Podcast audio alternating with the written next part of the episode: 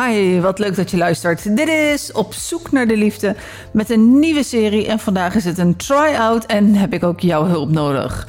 Deze serie wordt volgens mij super, super, super leuk en ook heel erg interessant. En je vraagt je natuurlijk af, mm, wat gaat deze serie dan nog interessanter maken dan de vorige series? Mm. Ik wil niet zeggen dat hij nog interessanter wordt, helemaal niet. Want de vorige series zit ongelooflijk veel mooi en leerzaam materiaal bij. Maar ik ga je het vertellen. Voor deze serie kijk ik wat er naar in de wereld om me heen geschreven en gemaakt wordt over de liefde. Wie dat schrijft mm, en wie dat maakt en waarom hij of zij dat maakt. En in deze try-out dan ook, zonder echte serienaam, is mijn onderwerp Miley Cyrus. En haar onderwerp, wat zij meeneemt uh, vandaag, is wraak.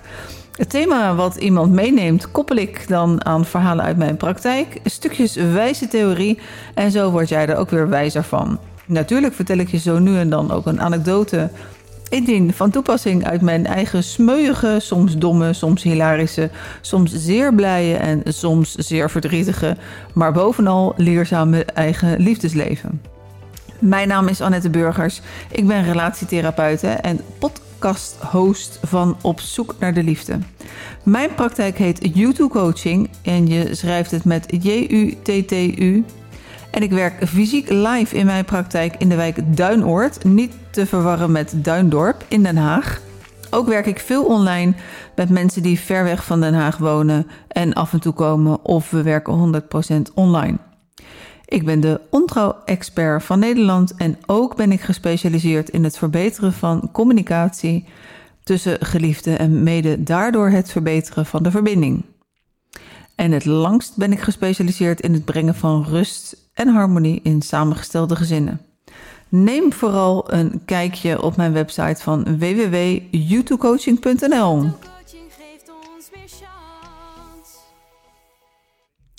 Miley Cyrus nam in mijn ogen onlangs de aller, allerbeste variant van zoete wraak. En ik vraag me stiekem af, want daar heb ik helemaal niks over kunnen lezen, niks over kunnen vinden, hoe deze wraak aangekomen is bij haar ex Liam. het nummer wat zij uitgebracht heeft is een antwoord op de song van Bruno Mars. En Bruno Mars, uh, zijn nummer werd gezongen door Liam op hun uh, bruiloft. Het is een wraak, want uh, ze zijn inmiddels weer uit elkaar. Ze hebben een, uh, een aan-uit relatie gehad van een aantal jaren. Het is een wraak omdat uh, het gefilmd wordt op de plek waar hij met zijn veertien mennaressen af had gesproken. als we dan naar Miley luisteren en haar geloven. De jurk in de clip lijkt op een, um, een van de jurken die een van de vermeende minnaressen had gedragen. En uh, het nummer kwam precies uit op Liam's verjaardag. En zelf had Miley een pak aan wat leek op een pak dat Liam uh, gedragen had op een uh, rode loperfeestje. Misschien ben ik er nog één vergeten, I don't know. Maar ik vind het geweldig. Het nummer staat bijna in heel Europa op nummer 1. Miley Ray Cyrus, zoals zij uh, volledig heet, komt uit Tennessee, Nashville en is geboren op 23 november 1992. En ze is een Amerikaanse actrice en zangeres. Zij heeft uh, de spotlight zeker op zich, want zij is een. Dan moet ik even nadenken wat het ook alweer was. Ze had een connectie met Dolly Parton. Oh ja, haar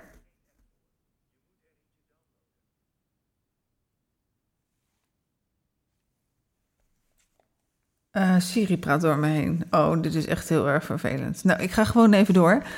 Uh, haar, zij heeft een heel beroemde peetante en dat is Dolly Parton. Uh, Miley heette oorspronkelijk Destiny Hope. En toen ze jonger was, noemde haar vader haar altijd Smiley, omdat ze altijd lachte. En later heeft ze haar naam veranderd in Destiny Hope Cyrus in Miley Ray Cyrus. Nou, ze, is dus, uh, ze komt uit de Disney-fabriek in feite, van de Disney Channel. En is daar groot geworden, heeft songs uh, gezongen van uh, de serie Hannah Montana. Nou, ik ken hem niet, maar wellicht de wat jongeren onder ons wel. ze heeft ja, animatiefilms gemaakt en kreeg op een gegeven moment een relatie met Liam. En dat is een op en aan, op en af en aan en uit um, relatie geweest. En de eerste break-up was al in 2010. Ja, ze zijn weer bij elkaar gekomen. Uh, Miley geeft aan dat het een toxische relatie was. En een toxische relatie is in ieder geval niet gezond. Het is zelfs ongezond en je haalt het slechtste in elkaar naar boven. Uh, en uiteindelijk heeft zij de ultieme wraak uitgehaald met, met Liam door dit nummer op zijn verjaardag uit te brengen. En ik kan helaas geen, ondanks dat ik, sorry, dat ik deze week geleerd heb hoe ik mijn eigen muziekjes in mijn uh, rode caster kan doen, zou ik ook zomaar haar nummer erop kunnen zetten. Echter krijg ik een ongelofelijke claim aan mijn broek als ik dat nummer in een podcast opneem, dus dat doe ik maar niet. Dus ik zal straks de, de, het refrein even voorlezen. Voor het geval dat je het niet kent. Ik zal het niet gaan zingen. Dat ga ik je echt niet aandoen. Want uh, ik had altijd grote onvoldoendes op, mij, op uh, de Pabo bij muziekles. Uh, dit is dus een wraakactie van Miley. En ik weet niet eens of het met een knipoog is, ja of nee. Maar we gaan het vandaag een stukje over wraak hebben. Als je in het woordenboek kijkt, dan staat er bij wraak een nare handeling waarmee je iemand straft die jou onrecht heeft aangedaan. Je neemt wraak op iemand revenge, vergelding, wraakzinnen. Uh, nou, dat is één verklaring. Uh, er staat bij een andere verklaring gemoedstoestand. Eén van de hoofdzonden. Genoegdoening, het wreken, kielwater. Maatregel ter vergelding, overmatig kielzoog. Uh, rancune, represaille, revanche, straf. Een uiting van haat, vendetta, vergelding, vergeldingsdaad, een vete een wedervergelding en wraakneming. Genoeg woorden, denk ik zo, voor galgje. Uh, dus het, ja, uh, het is niet allemaal heel erg positief. Uh, toen ik op speurtocht was op internet, ontdekte ik het volgende artikel. En dat is op zich wel grappig. Wetenschappers hebben namelijk ontdekt dat het wel echt werkt, wraak nemen als je gefrustreerd of boos op iemand bent. Op, een, op één heel bijzondere manier tenminste, zonder dat er gewonden vallen. Want daar is natuurlijk niemand voor. En uh, als je zelf wraaklustig bent, nou, luister dan gewoon verder niet naar wat ik zeg. Zet deze uh, podcast af en luister niet verder. Nou, stel je voor of je irritante collega kaapt weer jouw idee voor je neus weg. Of je nichtje heeft jou zeker weten met opzet niet uitgenodigd voor haar vrijgezellenfeestje. De opgeblazen buurman heeft expres een groot stuk uit de heg tussen jullie tuinen gesnoeid. Om nog maar niet te spreken van die pannenkoek die je met de pas afsneed terwijl je probeerde in te voegen op de snelweg. Of die woordringer in de rij voor de kassa. Je kent het allemaal wel dat je, uh, dat je daar iets bij voelt. Nou, laat staan als je geliefde bijvoorbeeld vreemd gaat en um, nou, stel, hè, als ik spreek vanuit mij, dan is, is mijn geliefde een man. Stel, hij gaat vreemd met een vrouw. Ja, dan richt ik. Uh, ik denk trouwens niet dat, dat ik dat doe. En ik uh, hoop dat als het ooit zover komt, dat ik dat inderdaad niet doe. Maar er worden heel vaak die pijlen gericht op die derde persoon. En dan wordt toch iemand ongelooflijk kwaad. En die wil toch wel heel erg graag ja, iets doen met die kwaadheid. Nou, over die uh, situatie met ontrouw straks meer. Maar als je dat gevoel van uh, die voordringer in de rij van de kassa of uh, die iemand die jou de pas afsnijdt op de grote weg, weet je, dat gevoel van onrecht. Ik herken dat in ieder geval ook wel heel erg bij leerlingen op school. Zeg tegen Marokkaanse en Turkse kinderen iets over de moeder en ze hebben zo'n gevoel van onrecht komen direct op je af. Is een eergevoel wat verdedigd moet worden. En als jij uh, ja, het gevoel hebt dat jouw onrecht aangedaan wordt, dan, dan zijn er maar weinig mensen die daar zomaar overheen kunnen stappen. De meeste mensen voelen dan wel wat dat met ze doet. Nou, dit overkomt dus echt iedereen. Dus je hoeft niet te schrikken. Uh, je bent echt niet gek, er mankeert niks aan je. Iedereen heeft zo'n gevoel van onrecht. En iedereen wordt daar kwaad over. Dat is volgens dit onderzoek ook bewezen. Wanneer we ons benadeeld voelen, zijn we automatisch geneigd om ons agressief te gedragen. En dat heeft van alles te maken met bepaalde neutrale centra in ons brein. De delen die verantwoordelijk zijn voor beloning worden geactiveerd. En die geven ons dat gerechtvaardigde gevoel over wraak nemen. De uitdrukkingen zijn er ook naar oog om oog, tand om tand, dat idee. Hij, zij heeft mij iets aangedaan, ik mag hem haar iets aandoen. Nou, dat geldt ook zeker bij, uh, bij kleine kinderen. Als de een een knal geeft, dan heeft de ander zo van ja, maar ik mag ook terugslaan. Dat klinkt in ieder geval in dat deel van je brein. Dat agressieve idee zijn gang laten gaan en wraak nemen werkt om ons gemoed te herstellen, de wetenschappers recentelijk aan. Zodra die breinbeloning binnen is, is het weer goed. Ik vind het overigens knap. We leren steeds meer over dat brein. Het is nog uh, lang niet allemaal uh, onderzocht, maar elke keer komt er weer wat nieuws uit. Super interessant. Sociaal psycholoog Dr. David Chester en professor Nathan de Wol waren degene die wraak nemen onder de loep namen. Daarvoor nodigden ze 156 deelnemers uit. Die lieten ze een stuk schrijven over een persoonlijk onderwerp. Die stukken werden onderling uitgewisseld om feedback op elkaar te geven. En zo stiekem als ze zijn, pikten David en Nathan er een paar tussenuit om zelf ontzettend uit de duim gezogen negatieve feedback eronder te zetten. Dit is het slechtste stuk wat ik ooit gelezen heb, was er zo eentje. Kun je de mate van negativiteit inschatten? Ontzettend negatief en ronduit beledigend zelfs. Vervolgens werd het gemoed gemeten van alle deelnemers. Hoe voel je je nu? was de vraag. Kun je raden, voor die deelnemers met vervelende feedback, nou die waren ongelooflijk kwaad. Ja, echt. Die deelnemers die niet zo in hun sas waren met de uitkomsten, kregen een kans om wraak te nemen. Om een bloedbad te voorkomen, deden ze dat niet rechtstreeks richting de vermeden daders, maar via een andere weg. Een klassieker, zo haalde Dr. David en professor Nathan voor deze ultieme test uit de kast. De voodoo Bob. De benadeelde deelnemers mochten zich helemaal uitleven op het ding als surrogaat dader. En raad nog eens, het werkte. En het werkte ontzettend goed volgens hun onderzoek.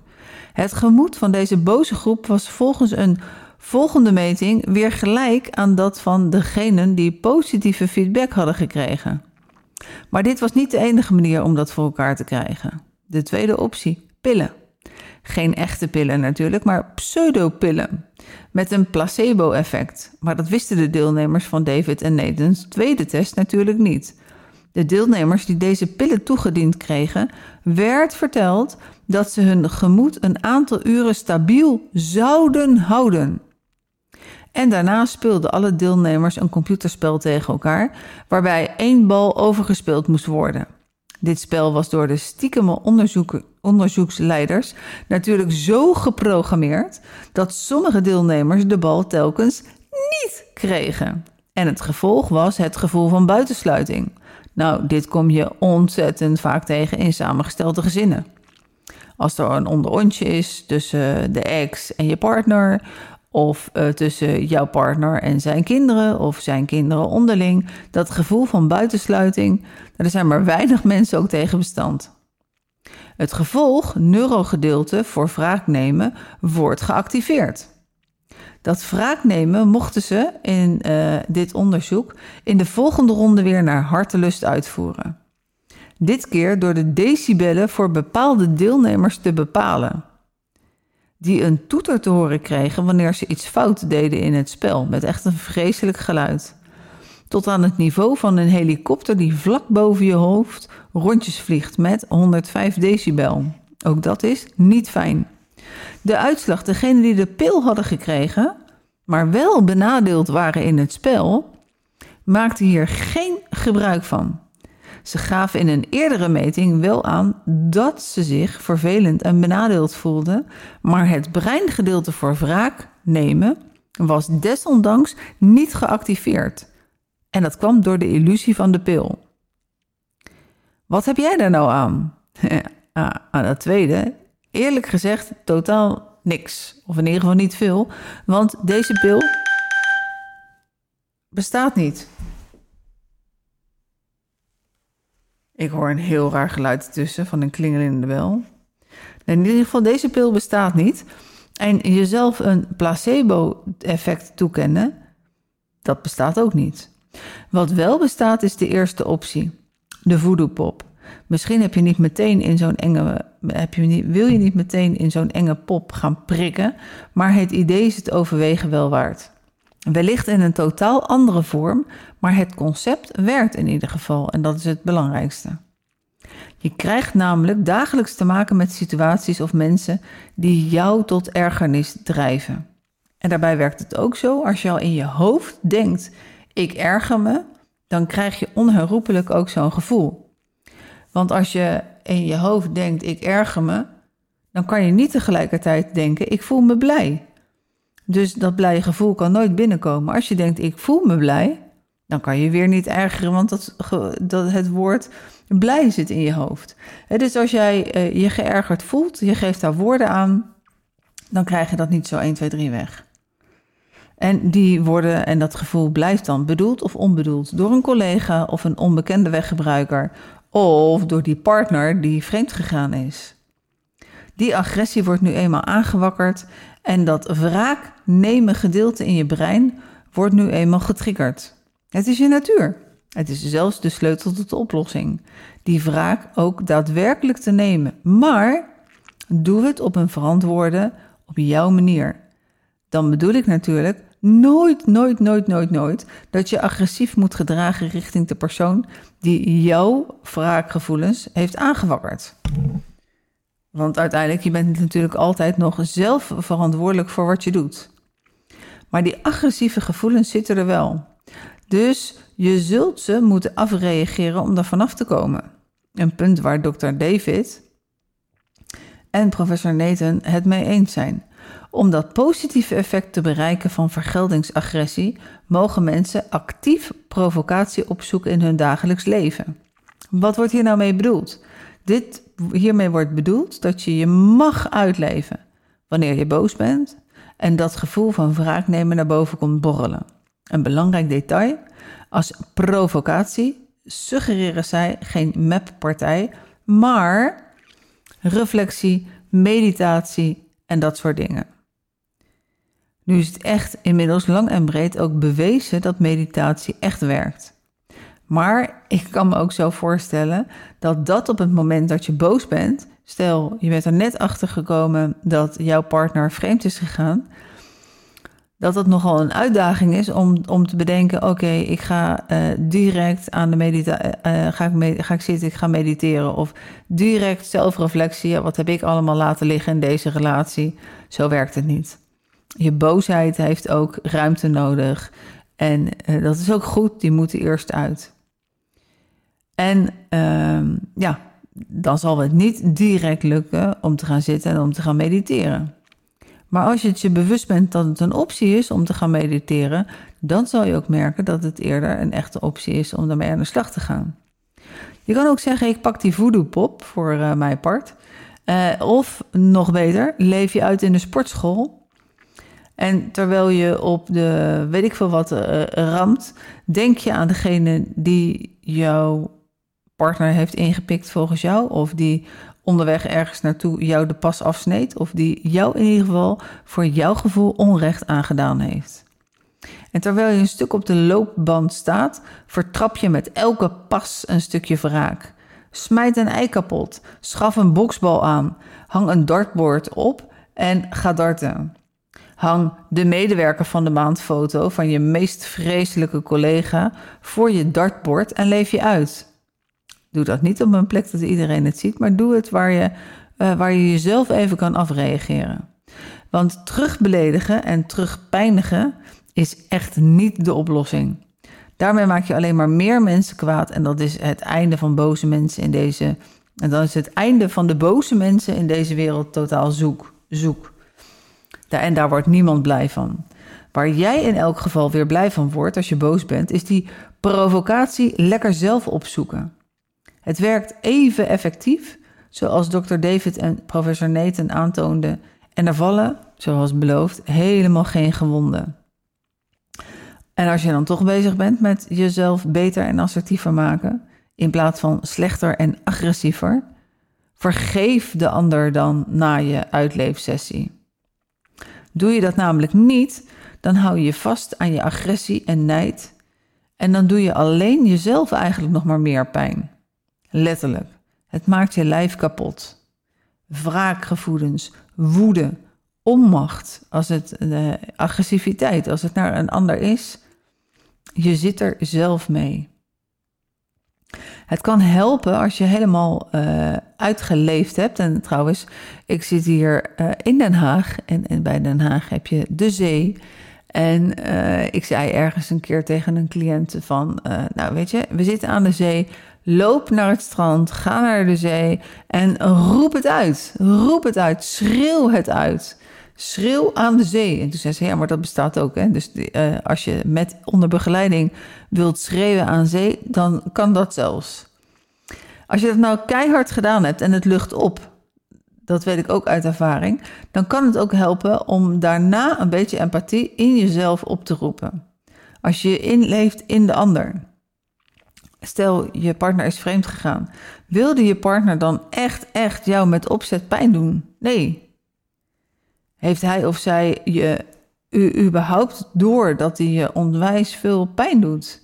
In eerste instantie niet, want niemand gaat vreemd met het plan om zijn of haar partner opzettelijk waanzinnig te kwetsen. Dus leef je gerust hard uit op je boksbal, op je dartbord dartbord of je voodoo-pop of ga mediteren of ga naar zee en schreeuw, schreeuw, schreeuw, schreeuw. En bedenk dat het niet de intentie geweest is van de ander om jou heel bewust op die manier te kwetsen. Zelfs niet de derde. De derde doet het niet om jou te kwetsen. In podcast 121 heb ik een gesprek met Anne. Anne was echt 100% anti-ontrouw. En toch werd ze verliefd op een man, op een getrouwde man met vier kinderen. En dan zou je zeggen, ja, ze heeft altijd een keuze gehad. Ja, in haar geval was het uh, uh, een collega in, die weer in hetzelfde gebouw werkzaam was. En die, zij en hij speelden eenzelfde spelletje op de app, De Slimste Mens. En nou ja, goed, ze waren collega's, dus ze kwamen elkaar ook tegen bij het koffiezetapparaat. Na, na na even elkaar zo ontmoet te hebben, het was in de coronatijd, zijn ze gaan wandelen. Ze hebben negen maanden gewandeld en dat het alleen maar leuke gesprekken waren. De frequentie was wel wat omhoog. En uh, uiteindelijk zijn ze ook appjes gaan sturen. En Anne vertelt dat ze er ochtends mee opstond en s'avonds mee naar bed ging. Dus ergens zijn ze die grens overgegaan. En Anne zegt, ja, het, het overkwam me. En het zal er nu niet meer gebeuren, maar in dit geval was het er overkomen. En zij heeft nooit bewust natuurlijk zijn vrouw pijn willen doen. Nou ja, we waren gebleven bij uh, leef je rustig uit op je boksbal, je dartbord of je voodoo-pop. En probeer daarna de ander te vergeven. En als vergeven niet lukt, dat is ook helemaal niet zo erg, probeer de ander dan ons te onschuldigen. Zelf zeg ik altijd dat uh, als mensen het gesprek met jou niet aangaan, ze gaan niet vertellen van, ja, ik heb gevoelens. Dan is dat altijd om twee dingen. Dat is om angst om afgewezen te worden en angst om jou te kwetsen. En daar koop je natuurlijk niks voor, want uiteindelijk wil je alles weten. En je hebt ook recht op gedachten van je partner als die gedachten van belang zijn voor jullie relatie. Dus je partner is echt wel in gebreken gebleven. Alleen heeft je partner het nooit gedaan om jou uh, bewust te kwetsen dus dat, uh, daarin noem ik iemand als iemand je toch heel erg verdriet doet en niet met jou durft te praten, dan is iemand handelingsonbekwaam. Iemand weet dan niet, hè, dus jouw partner weet dan niet hoe hij of zij het gesprek met je aan moet gaan. En op zich, ik ga, het is geen excuusbrief, maar het is ook niet iets wat we leren. Hoe ga je een slecht nieuwsgesprek aan met je partner? Leer je dat thuis van je ouders of leer je dat op school van een docent? Dat is een lastige. Maar in ieder geval, in therapie leer je het wel. En zeker als je bij mij komt. Ehm, nou, ik heb dus uh, de vorige, uh, niet mijn vorige podcast, maar wel de, van de Radio YouTube Vlamt aflevering 4 sprak ik met Hester Schaart. En zij is liefdesverdriet psychologe. En het gaat dus over uh, ja, liefdesverdriet en wat je allemaal wel kan doen en wat je niet kan doen. En zij vertelde ook dat het heel erg goed is om over wraak in ieder geval te praten. Dus ben jij een vrouw en is jouw man vreemd gegaan? Nodig al je vriendinnen uit en uh, bedenk het coolste plan om wraak te nemen. Uh, en lach daarom en bedenk er van alles bij. En uh, dat kan alleen al gewoon heel erg opluchten, omdat je het dan in gedachten al een beetje gedaan hebt. Ik zeg niet, voer het uit, luister goed naar me, dat zeg ik absoluut niet. Voer het niet uit, maar het, een fantasie delen met vriendinnen kan ook heel goed werken. Je kan ook heel goed werken om te mediteren en ook door naar zee te gaan en door te, uit te schreeuwen. Ja, dan is natuurlijk de hamvraag. Ik hoor dat je denkt, Annette Burgers, heb jij wel eens wraak genomen? En ik moet heel eerlijk zeggen, ja. En ik ben er niet trots op en ik denk ook dat het een super, super slechte wraakactie was. Um, ik was ontzettend verliefd op, uh, op een bepaalde man. En wij hadden ook een uh, knipperlichte relatie. En uh, op een van de momenten dat we uit elkaar waren, maar dat we het gesprek weer met elkaar aan wilden gaan, hij had me uitgenodigd om iets te gaan drinken in de stad. Ik stond al bijna in de startblokken klaar om te gaan. En uh, toen belde hij mij en toen zei hij: Ja, voordat je de deur uitgaat, ik wil je nog even iets zeggen. En hij biechtte op dat hij in de afgelopen periode, waarbij wij dus geen relatie hadden, maar um, ja, toch eigenlijk wel van elkaar verwachten dat, we dan, dat er dan ook geen ander was, biechtte hij op dat hij seks had gehad met zijn ex. Nou, ik werd woest, woest. En uh, ik had, kreeg echt een blinde vlek voor mijn ogen. Kan ik me nog goed herinneren. Ik weet namelijk waar ik zat in mijn huis uh, toen ik dat telefoontje had. Ik weet ook op een gegeven moment dat, het, dat ik zo'n lawaai maakte, dat ik zo aan het gillen was, dat mijn zoon naar de kamer kwam waar ik was en dat hij zei van, mam, uh, doe die mobiel weg, hij is jou niet waard. Uh, even, ik beëindig het gesprek, ik pak mijn laptop en ik ga een e-mailadres aanmaken bij, van Hotmail... En uh, ik stuur zijn ex een mailtje waarin ik vertel van nou, uh, gefeliciteerd. Je hoort bij uh, de club van de, van, ik weet niet meer, de, het clubje van vrouwen. En een, een, van ons heeft een SOA, dus laat je maar testen. En ehm, nou, hij heeft ons allemaal in de maling genomen en we vonden het wel nodig om, om je dit te laten weten. En ik had daar een, een rijtje met, met namen. Uh, en ik verstuurde in uh, blinde woede die mail naar haar. Blijkbaar had ik dus wel haar e-mailadres op de een of andere manier. Dat kan ik me niet meer herinneren. Uh, ik was zo zenuwachtig dat ik, ik stuur dat mailtje weg. En en ja, eh, later belde uh, mijn vriend, die belde me ook op. En ik heb het gelijk opgebiecht van, nou, weet je wat ik gedaan heb? Zo dom. Want ik ging daarna kijken van, uh, heeft, zij, heeft ze geantwoord of weet ik veel wat. Maar ik was die hele inlogcode en wachtwoord was ik vergeten. Dus ik heb nooit kunnen checken of, of zij dat, of ze überhaupt iets teruggeschreven heeft of wat het effect was. Nou, het had wel effect gehoord, hoorde ik later via, via mijn vriend. Uh, maar uiteindelijk, al was het jaren later, zijn ze er toch achter gekomen dat het bij mij vandaan kwam. Want hun zoon had um, ja, connecties bij de politie. Dus dat IP-adres, dat hebben ze achterhaald. En toen, toen was het, ja, dat was gelukkig jaren later. Maar ik heb er heel erg over voor geschaamd dat ik dit gedaan had. had het effect?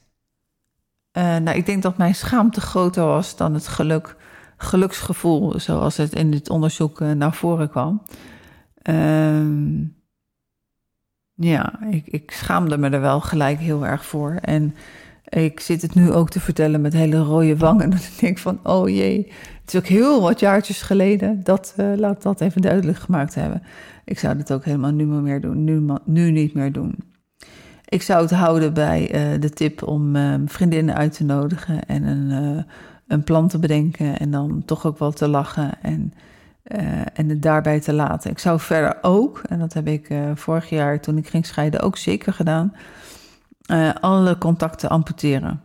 Ik zou het contact met de ex, als uh, als het gaat om, om dat je uit elkaar gaat, zou ik direct amputeren. Ik zou overigens niet, uh, als mijn partner vreemd zou gaan, zou ik niet direct amputeren en de relatie verbreken. Absoluut niet.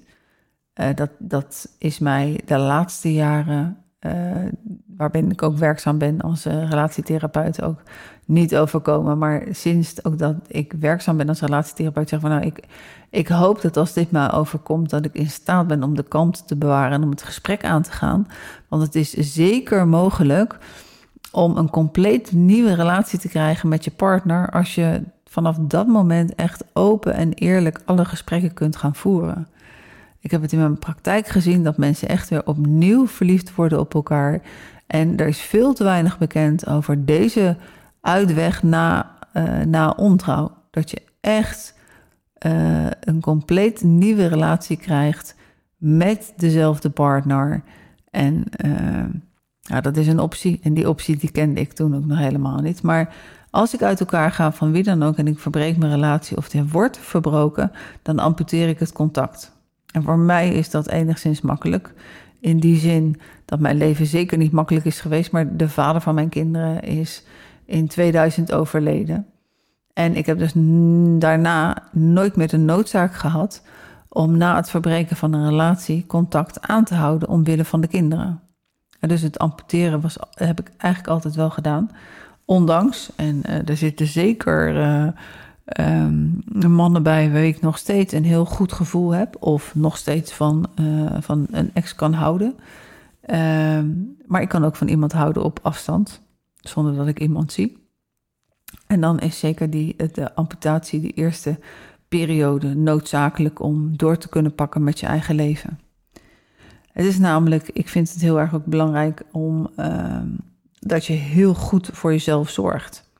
Uh, dat je uh, na het verbreken van een relatie of ook als eh, je partner vreemd gegaan is, dat je heel goed besteed, beter en het allerbeste voor jezelf gaat zorgen. Zelf wil ik namelijk ook heel erg, heel erg graag de hoofdprijs zijn voor iemand. En ook vinden dat iemand de hoofdprijs is voor mij. En met minder neem ik geen genoegen.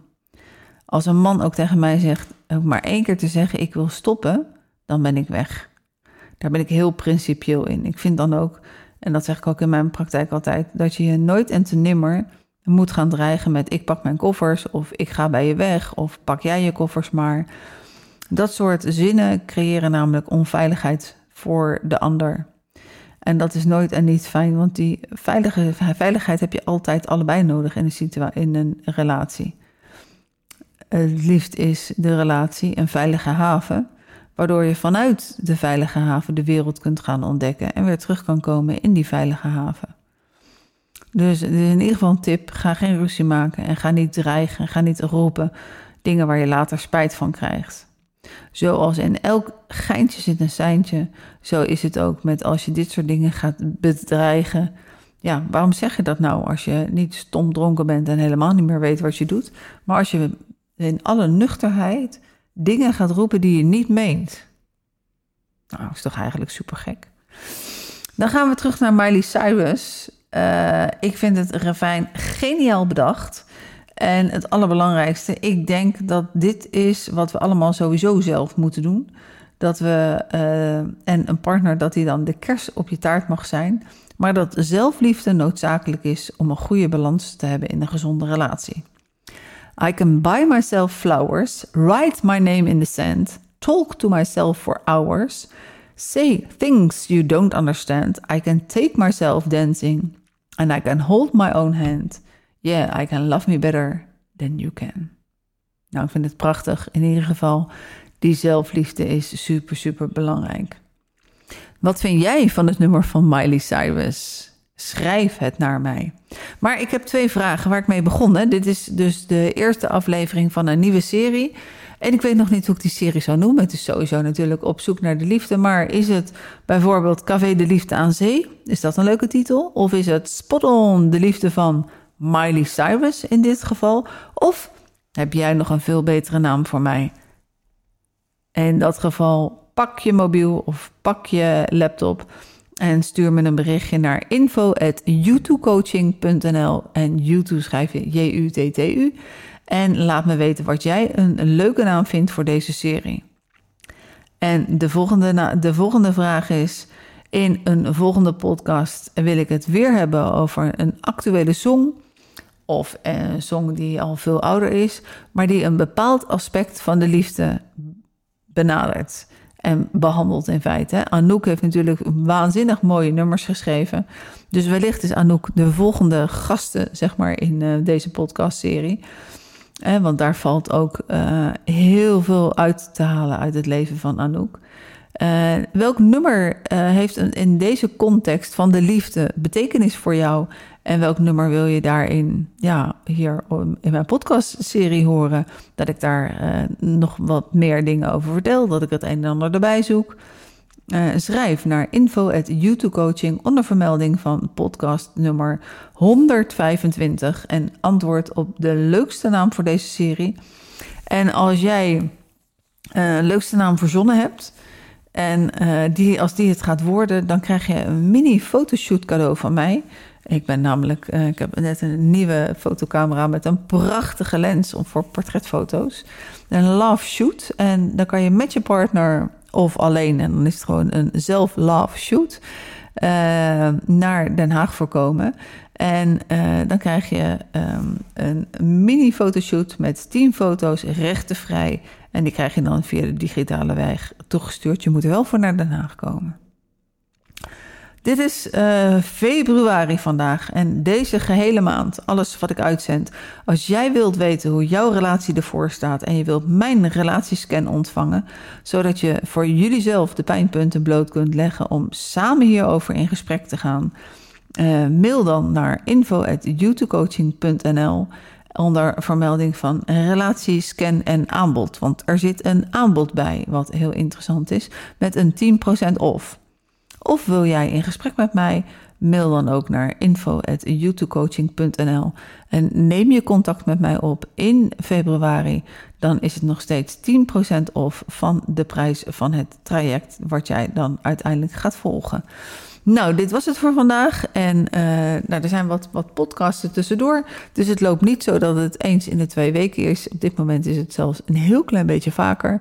Een heel klein beetje meer. Voel je vrij om eh, te luisteren. En voel je vrij ook om vooral om niet te luisteren. Ik sluit alleen niet af met tot over twee weken. Ik sluit af met geef me een tip voor de titel van deze serie. En geef me graag tips voor muziekstukken. Uh, Liefdesbang is er eentje. En uh, Elske de Wal heeft natuurlijk ook mooie nummers. Nou, uh, Anouk heeft mooie nummers. Maar welk nummer heeft waarde voor jou als het gaat om de liefde? alle tips zijn van harte welkom. En stuur me de mail info at onder vermelding van podcast nummer 125. En ik wil je danken voor het luisteren van vandaag. Een wat iets kortere podcast. Uiteindelijk uh, heb ik toch nog een heleboel aan elkaar geluld. En uh, over Miley Cyrus en haar wraak. En stuur me alsjeblieft je reactie. En mocht je deze podcast leuk hebben gevonden, geef hem dan een like, want dan komt hij meer en meer zichtbaar in de lijst. Nou, dankjewel voor het luisteren en tot horens bij de volgende podcast. Doei doei!